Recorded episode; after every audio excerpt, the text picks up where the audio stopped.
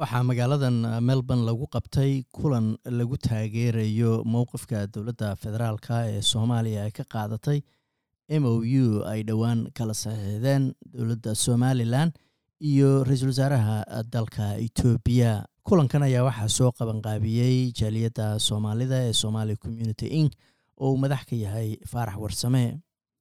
Waxaa barnaamijka daadihinayay xarbi wuxuuna u dhacay sidan. Dhammaan marti sharafka nagala soo qayb gashay kulankan maanta aanu ku taageerayno dowladda soomaaliya go'aankeedii ay ka gaartay badda iyo xildhibaanada soomaaliyeed.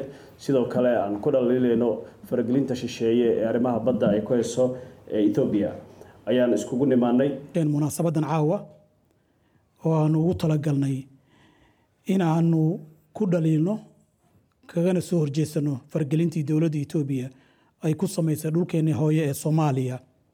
Aynu ka nimid iyo sidoo kale taageero aan u muujinayno dowladda federaalka go'aankii ay ka qaadatay arintaasi sida aad ka warqabtaan dowladda ethoobiya ma ahan markii ugu horreysay ee dalkeena ay faragelin ku soo samayso. Iyada oo keliyana ma ahane dowlado badan ayaa faragelin ku haya dalkeena soomaaliya. Waxaa loo baahan yahay waxa kale oo ka hadlayna o dhan inaan meel iska dhigno arinta tan masiirkeenna iyo masiirka ummadeenna iyo caruurteennaba taabanaysa. Inaanu maaragtay aan u soo jeesanno una guntanno waana sababtan ugu kaliftay inaan kulankan degdega aan qabanno markan waxaan u yeerayaa axmed nuur oo ka mid ah odayaasha iyo aqoon-yahanada soomaaliyeed. Anigu arinta ugu weyn oo maanta aan rabay inaan halkan xoogga saaro waxa weeye maanta shacbigii soomaaliyeed waxaan horay waayahan u dhicin baa hor yaalla shacbigii soomaaliyeed isku duubnaan inay isu ururaan iyo inay wada shaqeeyaan baa looga baahan yahay. Madaxda soomaaliyeedna sidoo kale inay isu yimaadaan oo khilaafaadka yaryar oo dhexdooda ka taagan ay meel iska dhigaan oo hadda dalka cadowgoodii ah oo ahaan jirayna ahna weli oo doonayaan inuu qeyb dalkii ka goosto ay meel uga soo wada jeestaan. Siiba waxaan dhiirigelinayaa dowladda dib loo doortay oo dowladda puntland oo hadda wax badan farta lagu fiiqayay inay gooni u taagan tahay ama aysan heshiisyada guud oo ama reformska soomaaliya ka socda inaysan mar walba qeyb ka ahayn inay maanta tanaasul badan samayso oo ay qeyb ka noqoto oo waxyaalaha qaarkooda ama political reformska ama economic reformska jira ay ay ay qeyb ka ahaato oo sidaas ay suurto geliso inay soomaali isku duuban la arko oo meel wada taagan. Sababta ay etoobiya ugu dhiiranayso arrimaha noocaasa ma aha soomaaliya inay maanta militarily ama xoog ahaan daciif tahay ama aysan lahayn. Ciidan sidii waayii hore ay isaga celin karto cadowgii soo weerara laakiinse waxa weeye khilaafka siyaasadeed oo la leeyahay dowlad isku duuban dowlad midaysan ma jirto dalkii oo weli waxaa taagan dagaal sokeeyaha soomaali ka dhex socda marka wax kastoo lagu sheegaba ama khilaaf siyaasadeed ama dagaal sokeeye maanta iyo wixii ka dambeeya dadweynaha soomaaliyeed waa inayna u adkaysan arrintaas waa inay madaxdii ku kalifaan ku riixaan inay heshiiyaan. Etoobiya sidoo kale iyadu waxay ka fiirinayaan la tahay. Sidoo kale khilaafka soomaaliyeed ama u malaynayaan in khilaaf soomaaliyeed jiro iyo xoogyarida dalka soomaaliyeed militarily yaa laftigeeda yay ka fiirinayaan yay isha ku hayaan oo waxay isleeyihiin maantaad fursad haysataan aan soo noqonahayn ee qeyb ka goosta. Taasna niman cumalo ah yaa u sahlaya oo ah dowladdan waxaan gobolkan waqooyi galbeed maanta u taliya ama wixii ka haray waqooyi galbeed. Laakiinse wax raagaya ma aha adduunkao dhan nasiib wanaag adduunka dhan dowladihii waaweynaa dowladda maraykanka ururka yurub dhammaantood si xoog leh yaa arrintaas u diideen oo uga soo horjeesteen waan aad baan u soo dhoweynaynaa cumar dhowlawaa oo ka mid ah aqoon-yahanada soomaaliyeed ee ku dhaqan dalkan australia. Gobollada waqooyiguna runtii specially dadka dhallinyarada ah si aan kala har lahayn ayay arrintan uga soo horjeesteen which is very amazing sababtoo ah maadaama dowladoodu ay iibinaysay gooni-sutaagga iyo kelinimada iyo inay go'aan iyo wax la mid ah.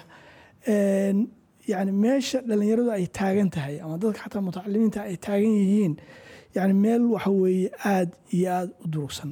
Shalay waxaan dhegeysanaya wasiirka gaashaandhigga oo is casilay oo sabab isu casilay ay ahayd arintan dadakan dalka qaar ka mida lagu siinayo.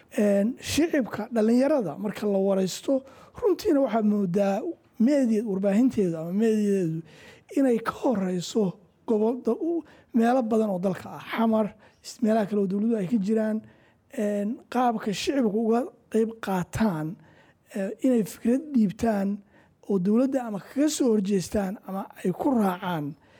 Marka loo fiiriyo waqooyiga its completely different. Dadka reer waqooyiga oo shicibka ah particular dhalinyaradu meesha ay taagan yihiin waxa weeye meel aada u durugsan.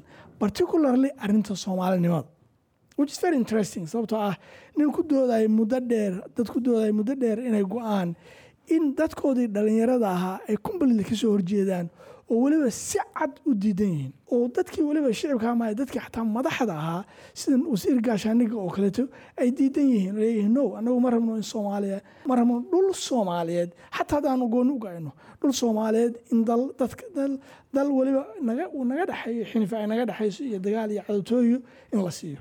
Markanna waxaan u yeerayaa mid ka mid ah aqoon-yahanada soomaaliyeed ee ku dhaqan magaalada tan melbourne cabdimahad hadalkuna xoogaa waa iga jajabaya wuxuu iga jabayaa wallaahi arrintaas say ii saamaysay niyad ahaan iyo waddankaygii oo maaragtay awalba iyadoo maaragtay la gogoostay oo waddamada deriska mid walbaaba uu waslad haysto waslad ka goostay. Haddana intii soo hartay maanta in maaragtay nala ku soo weeraro oo la yidhaahdo maaragtay waxaan weliba ka samey hadda hadday ahaan lahayd deked haddana iska ganacsi ahaan lahayd waxaa leeyahay ciidamadii navy baa meesha la dhiganaya. Nin waddankaagii navy dhigtay berri seebaad uga saaraysaa meesha ciidamadiisii iyo saldhigiisii iyo buu haystaa. See uga saaraysaa lagama fekerin miyaa sidaasoo kale. Mogta marka arrin aad u naxdin badan waaye naxdin badan waaye nin baan maalin dhegeysanayay oo oo ka soo jeeda gobolkaas waqooyi oo la wareysanayay. Wuxuu yidhi nimanka kale hadday anigu waa taageersanaya buu yidhi. Bal haddii ay ay gobolkaanu gooni u istaagayo laakiin haddana jidka ay u marayaan waa jid aada u qaldan buu yidhi. Hadda in lagu aqoonsado bay dhul siiyeen labaatan kilomitr oo dhulkoodii xeebta ka mid a xamid baa la siiyey nimanka ka mid a hal wadan baa labaatan kun labaatan kilomitr la sameeyey taiwan buu yidhi saddex iyo toban wadan baa aaminsan oo ixtiraafsan. Shir ay ka qaybgeli karaan iyo meel ay tegi karaan midna ma jirto. Marka hal wadan markaad labaatan kilomitr siisay wadankii saddex iyo toban kale oo sidii taiwan oo kale haddaa mid walba labaatan kilomitr si ku yidhaahdo saan ku aqoonsado. Ma siinaysaa ma siinaysaa ilaa waxbaa waxaa isku bilowday hawl aad dadkii laaluush aad ku raadinayso leedahay aan ku laaluushe ee aqoonso marka aad iyo aad bay maaragtay u tahay wax laga naxo marka taasina inankaa ka mas'uul ah waxaan uga mas'uulnahay midnimo la'aanteena midnimo la'aanteena baa la arkay inaanu kala qaybsanay inaana madaxdeena ka dambeyn in nin walbaaba maaragtay oo mas'uul noqdaaba danihiisa gaarka ah oo personalka ah marka midda shaksi ah mid shaksi ah qof walbaaba shaksiyadiisa inuu maaragtay ka hormariyo midii guud. Taas way midda loola ka faa'idaystay. Balse toban kun ha dhimatay taanka maxaraa inuu noo taliyaa? Waa calacaltiba leh. Meel kasta aad joognaba. Qalbigay ka wada ogsoon yihiin. Markan waxaan u yeerayaa sharmaake faarax oo ka mid ah aqoon-yahanada soomaaliyeed una dhuun dolola siyaasadda bariga africa waa shirkii ugu horreeyey oo arintan iyada ah community soomaaliyeed oo qurbaha ku nool ay isugu yimaadaan. Hal mid baa ka horreeya midkaas jaaliyadda awdal baa qabatay oo waxay ku qabatay manisoto midka kan waa midka koobaad oo jaaliyadda soomaaliyeed ay ku midaysan yihiin oo la qabto arintan iyada ah. Intanada tan waxaan isugu nimid caawa inaan dareenkanaga ku muujinno xaaladda ka soo cusboonaatay gobolka gaar ahaan wixii lagu sheegay is-afgarad oo ay wada siixdeen ra'iisul wasaaraha etoobiya iyo gobollada waqooyi ee soomaaliya. Heshiiskaas isaga wuxuu ahaa heshiis xaaraan ah baalmarsan shuruucda iyo qawaaniinta u degsan adduunka jabiyey article two paragraph four of the un charter jabiyey article four of the african union constitutive act jabiyey article fifty four constitutionka soomaaliya jabiyey rules based international order. Macnaha wax sharci uu ku fadhiya heshiiska isaga ah ma jirto waa boob waa boob cad weeye midda kale waa inaan ogaano mid waxaan kaloon isugu nimid marka taas laga soo gudbo inaan muujinno taageero taageerno mowqifka dowladda soomaaliyeed ay ka istaagtay heshiiskan isaga ah. Haddaan soomaali nahay meel kastoo aan joogno dunida dacladiisa waxaan aad iyo aad u taageersannahay mowqifka dowladda soomaaliyeed ay ka istaagtay heshiiskan.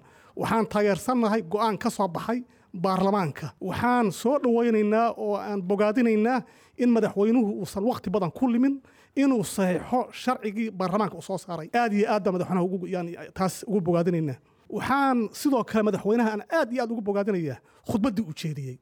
Waxay la mid ahayd khudbaddii uu jeediyey churchill macnaha dagaalkii labada adduunka. Khudbaddii ahayd waad dhegaysan kartaan waxaa la yihahdaa will never surrender. Macnaha waxaan ku dagaalamaynaa xeebaha waxaan ku dagaalamaynaa eeraboorada waxaan ku dagaalamaynaa xuduudada waxaan ku dagaalamaynaa meelaha laga soo degi doono waxaan ku dagaalamaynaa waddooyinka ma isdhiibayno macnaha khudbaddii madaxweynaha uu jeediyey taasay ahayd. Qaar badanoo annaga naga mida madaxweynaha way dhaliilsanaayeen wix hadda ka horreeyey laakiin wax allaala wixii dhaliil ahayd oo aan madaxweynaha u haynay wax allaala wixii tabasho ahayd oo u haynay isgon macnaha this moment waxaa weeye waa waxna mideeyey. Dadka soomaaliyeed meel kastoo ay joogaan waa wax mideeyey.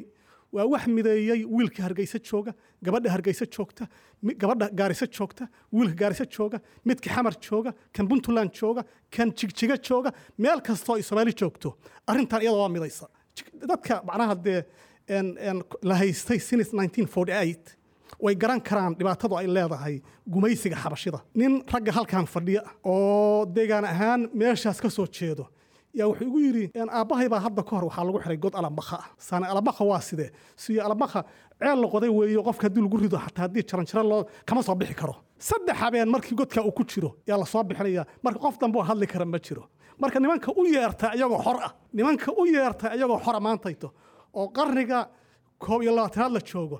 In inta gurigoodii loogu yimaado la qaato godkaas loo qodo qofkii hadda lagu rida ka warraba waxaan u yeerayaa ciyaaryahan hore ee soomaaliyeed. Macalin tababaro soo saara ciyaartooy soomaaliyeed. Ee ku dhaqan dalkan australia macalin cali xuseen ila soo dhaweeya waxaan goobjoog ahaa oo weliba lagu kala duwanaa waagii dowladdii ugu horreysay ee la soo dhisay ee cabdullaahi yuusuf la keenay oo etoobiyaanka ay yimaadeen oo dadka abiniyinkooda ugu kala duwanaa. Etoobiyaanka waxay u barbardhigi waayeen qayb yar oo ka mid ah oo muqaawamo la dhihi jiray. Qofkii xasuustaa xasuusta waa wax macnaha iyagan ay og yihiin soomaali oo midaysan inaan arrinkan laga guulgaari karin.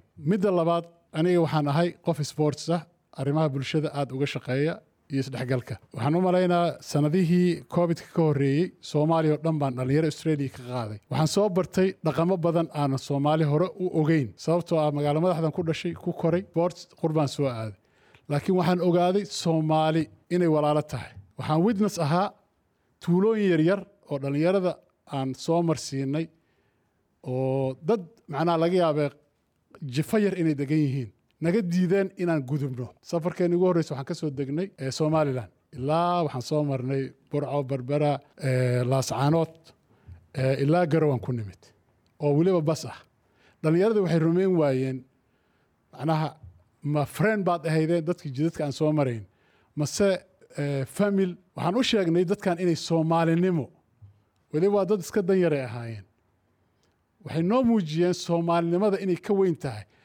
Macnaha degaanka iyo waxyaabaha aan ka hadlayno iyagana waxay ka soo barteen soomaalinimada inay tahay wax aan waxba lagu doorsanin oo ay open u ahayd. Kuwo badan oo iyaga ka mid ah waxay hadda aad uga shaqeeyaan arrimaha isku xirka bulshada waxay la shaqeeyaan communitiyada waxay la shaqeeyaan sportska.